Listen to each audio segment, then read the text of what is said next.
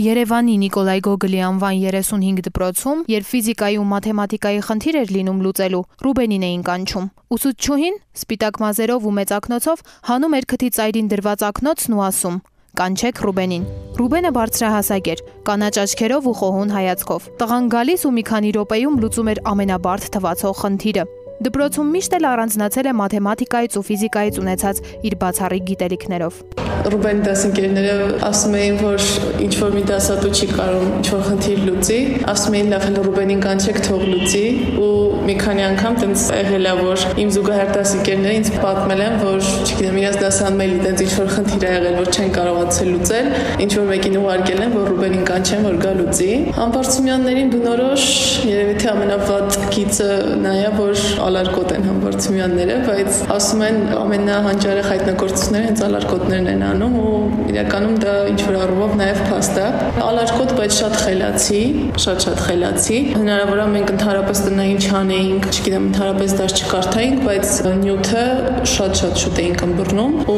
չեմ վախենա ասել, որ Ռուբենը ինձանից տենց մի 100 անգամ խելացի է։ Վազգենը Ռուբենի մարտական ընկերն է։ Նա պատմում է, որ չնայած Ռուբենը ֆիզիկապես թույլ էր, բայց շատ խելացի էր։ Պատերազմի ժամանակ հիմնական հաշվարկներն իրենք են արել։ Ռուբենը հաշվարկում էր, ընկերը տեղափոխում։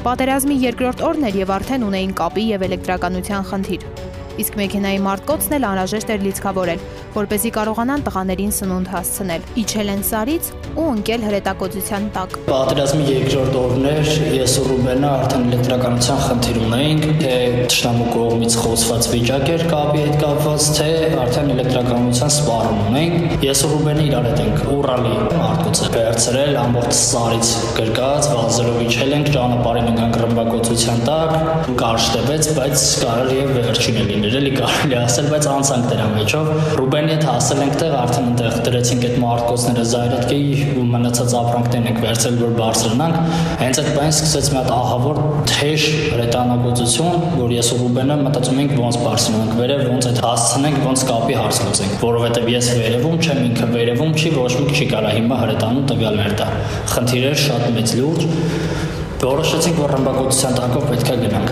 Ինչ կլիներ, կլիներ։ Ռուբենը մի բա արդեն շունչը կտրվում էր սարը բարձրանալուց, դե իր մոտ էլի ծանր ապրանքներ կար, որ տղեկին սնունդ էինք հասցնում մեր հետ։ Ճանապարհին իրար օգնելով անկավ Ռուբենը ու սկսեցինք ծիծաղել, այն որ այն ամենավատ բային, որ չէր կարելի պրոստը ծիծաղել հետ կապված թուլանալ, մենք սկսեցինք ծիծաղել։ Ամենահետաքրքիր պահը այդ էր, որ հրետանակությունը կամ պետքա բախկվեն կամ պետքա վազենք, որ այդ բան ինչ-որ բան չլինի։ Ես Ռուբենը սկսեցինք ասել խոսալով, խնդալով բարձրանալ վերև ու հիշեցինք այն ամենասկզբի օրերը, թե ոնց էինք ծանոթացել, ոնց էր եղել այդ ամեն ինչը ու հարց տվեցինք իրար, թե ինչ էինք զգում հենց պատերազմի առաջին օրը, երբ որ շարժվում էինք։ Այդ բային ինքն էլ ասաց, որ իրականում մենք այդ բային ոչ մի բան չենք զգում։ Մենակ գիտակցում ենք, որ պատերազմը